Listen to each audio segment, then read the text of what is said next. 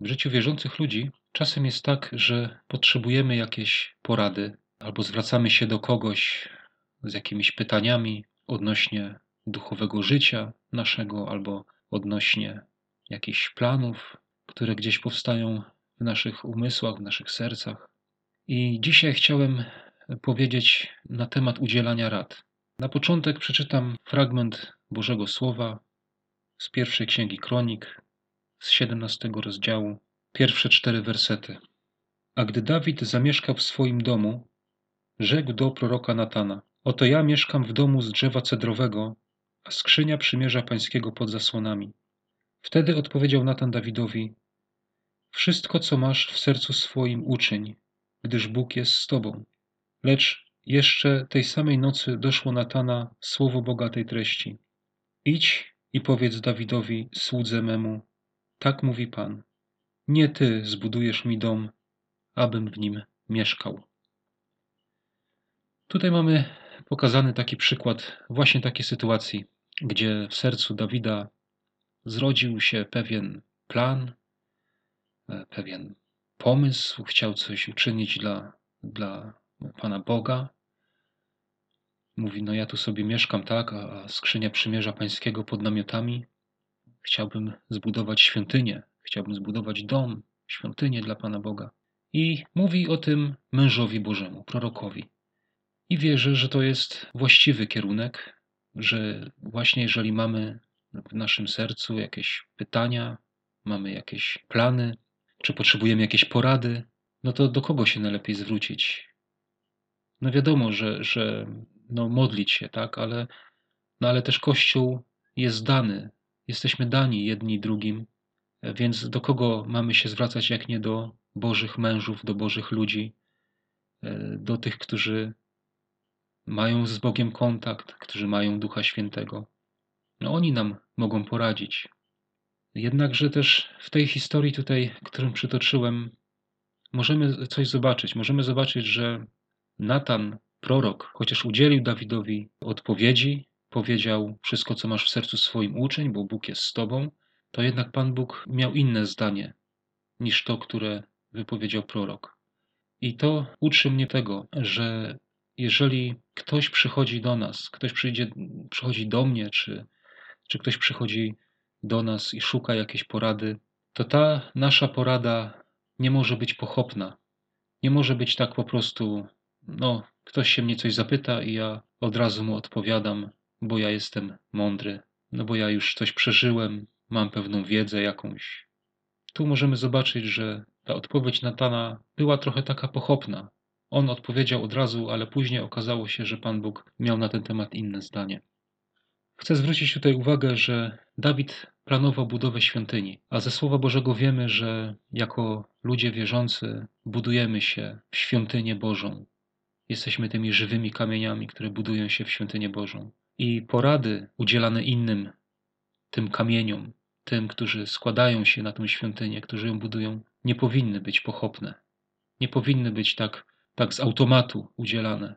Porady powinny być poprzedzone konsultacją z Bogiem. Powinny być w pierwszej kolejności przemodlone. W pierwszej kolejności powinno się szukać u Pana Boga odpowiedzi. Dlatego, że świątynia jest Boża. I to, co się tyczy Bożej świątyni, to są rzeczy bardzo ważne. I tu nie może być miejsca na jakąś samowolę, na jakieś takie odpowiedzi automatyczne. To są bardzo poważne sprawy, i to, bo to tyczy się życia duchowego, życia wiecznego, życia, o którym wszystko i dokładnie wie Pan Bóg i u Niego należy szukać tej porady. To chcę tak tutaj podkreślać, że chociaż jesteśmy ludźmi wierzącymi, chociaż mamy społeczność z Bogiem, doświadczamy Bożej obecności, tak jak to było tu w przypadku Dawida.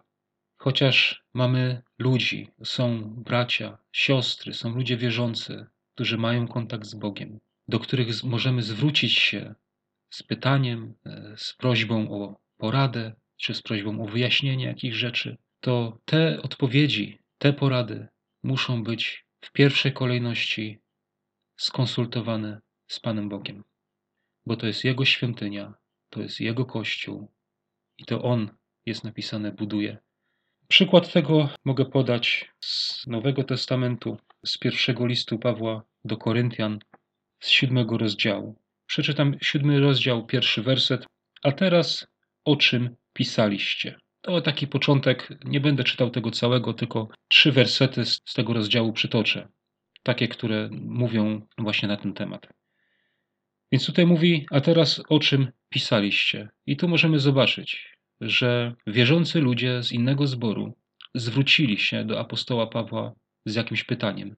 Mieli jakiś problem, jakiś tam dylemat, jak należy postąpić. Tu akurat jest mowa o sprawach małżeńskich, ale to mogłoby być cokolwiek. Zwrócili się do niego z, w liście z zapytaniem: Teraz o czym pisaliście? Apostoł im odpowiada i udziela im odpowiedzi.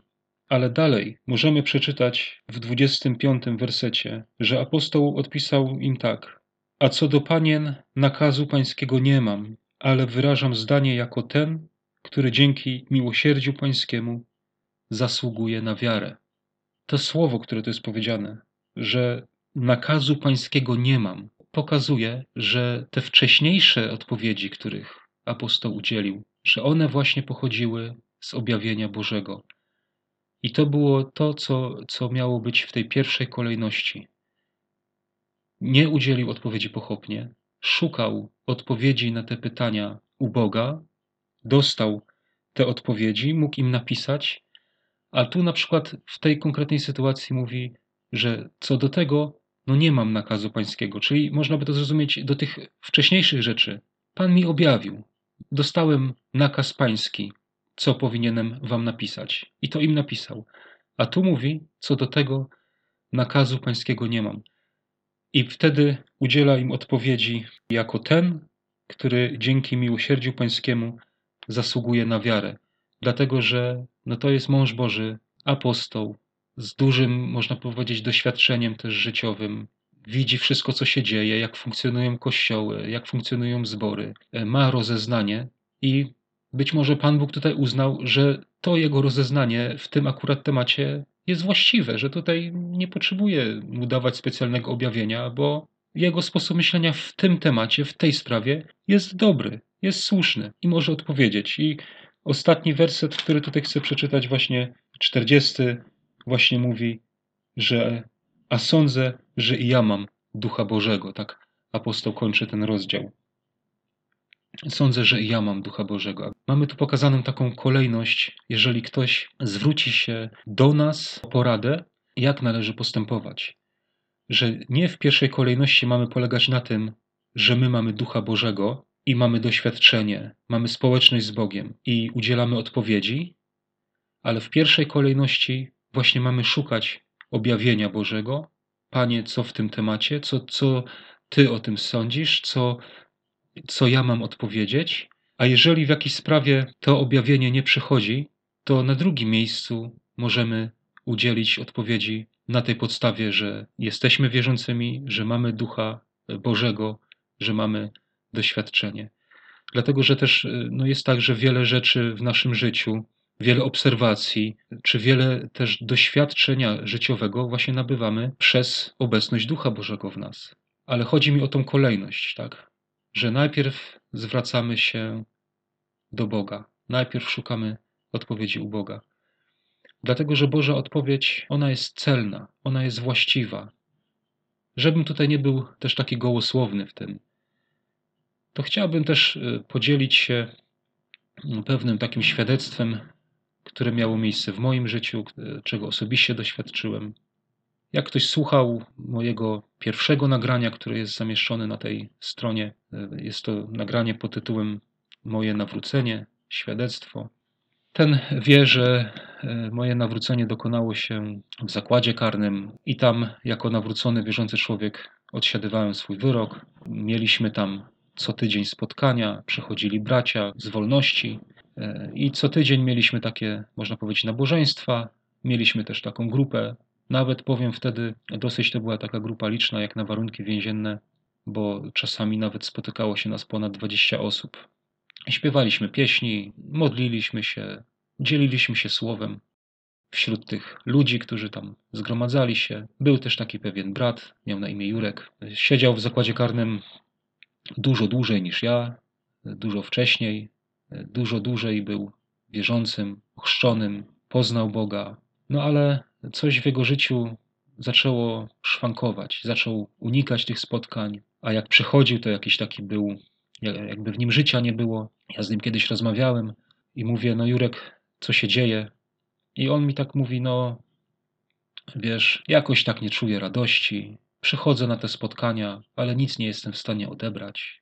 Nic mnie nie, to nie buduje, to co słyszę. Mówi, że pisał listy do pastorów za murami. Jedni w ogóle mu nie odpisywali, inni mu tam odpisywali jakieś rzeczy, ale to nic nie przyniosło mu skutku. I ja mówię, no to Jurek, to ja będę się o ciebie modlił.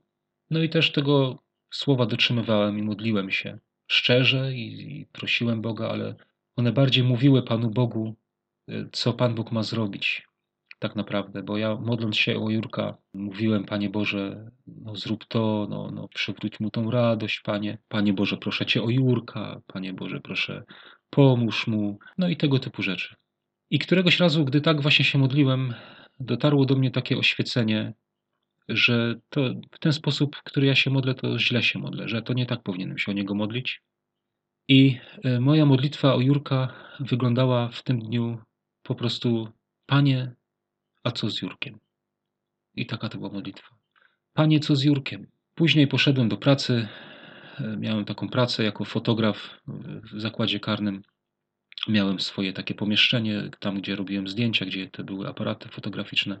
I tam w tym moim pomieszczeniu, po tej modlitwie, usiadłem sobie na fotelu i nagle tak zobaczyłem takie widzenie, twarz Jurka i werset z Księgi Objawienia. Oto stoję u drzwi i kołaczę. Ja od razu wiedziałem, tak jakby zrozumiałem o co chodzi i napisałem Jurkowi taki list, dlatego że spotkania jeszcze parę dni pozostało, a nie mieliśmy z sobą kontaktu w ciągu tygodnia, więc napisałem mu list i podałem przez jednego chłopaka z mojej celi, który razem z Jurkiem pracował, i on mu ten list doręczył w pracy. I co się okazało, że w sobotę, gdy spotkałem Jurka, gdy poszliśmy na spotkanie i spotkałem Jurka, to to był zupełnie inny człowiek. To był zupełnie nowy człowiek. On, jego twarz promieniała. Radość to nie tylko to, że on był uśmiechnięty, ale ta radość z niego e, promieniowała. On, on, był, on był napełniony Bogiem. Mi się wydawało, że on świeci. Jak tak stał na korytarzu w takim półmroku, to ja miałem wrażenie, że on się świeci. I tak się cieszyliśmy, że Pan Bóg go podniósł. Potem Jurek mi mówił, że jak tylko dostał ten mój list e, tam u siebie w pracy, od razu mówi, od razu pomyślał, że to jest jakaś odpowiedź e, Boża dla niego. Zamknął się w swoim kamerliku, ukląkł na kolana i on tak samo zrozumiał dokładnie o co chodzi, jak, jak, jak przeczytał ten list. I to wystarczyło. I to mówię na świadectwo, e, na Bożą chwałę. Nie chcę tutaj właśnie swojej osoby w jakiś sposób wywyższać, ale chcę pokazać, że że to, co mówiłem wcześniej, że, że to tak działa, że to, jest, że to ma być coś takiego, że może ci pastorzy, ja nie chcę tutaj negować e, nikogo, mężowie Boży mają ducha Bożego, ale często jest też tak, że może jak jesteśmy dłużej w Bogu, czy jak mamy jakieś już doświadczenia za sobą, to my zamieniamy te kolejności i zamiast najpierw e, pomodlić się e, o daną osobę, zamiast szukać pomocy dla danej osoby u Boga, to my staramy się sprawę załatwić szybko i udzielamy tak, tak z automatu odpowiedzi.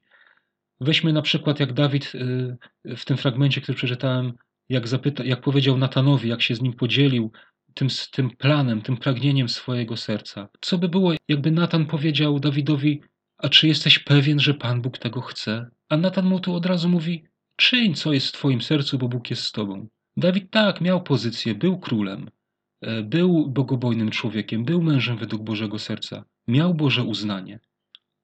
Ale Pan Bóg na to inaczej patrzał.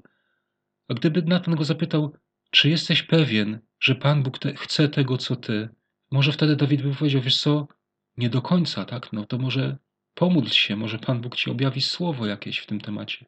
Tak powinno to wyglądać w pierwszej kolejności.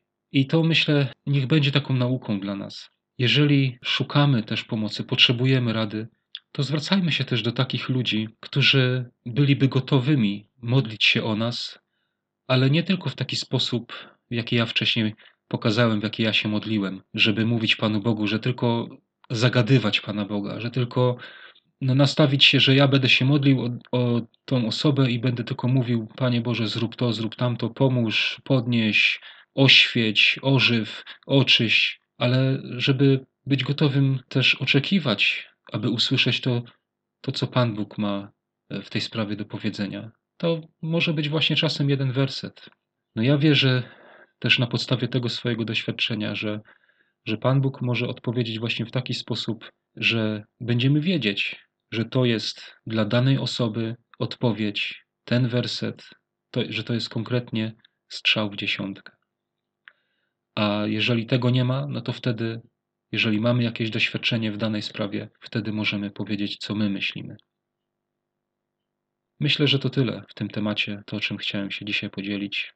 Zapraszam do zadawania pytań, do jakiejś komunikacji. Może ktoś z Was słuchających ma jakieś sugestie, czy może powinienem coś zmienić, dlatego że ta strona funkcjonuje od niedawna. Nie wiem, czy jest wszystko dobrze, czy wszystko jest czytelne, czy to jest zrozumiałe, czy ktoś odbiera z tego jakieś, jakiś pożytek, jakieś zbudowanie. Dlatego proszę, no jeśli masz czas, masz ochotę, coś cię dotknęło, to napisz do mnie parę słów, abym, e, abym też wiedział, czy to ma sens, czy to jest dla kogoś pożyteczne. Błogosławieństwa Bożego życzę wszystkim słuchającym. Amen.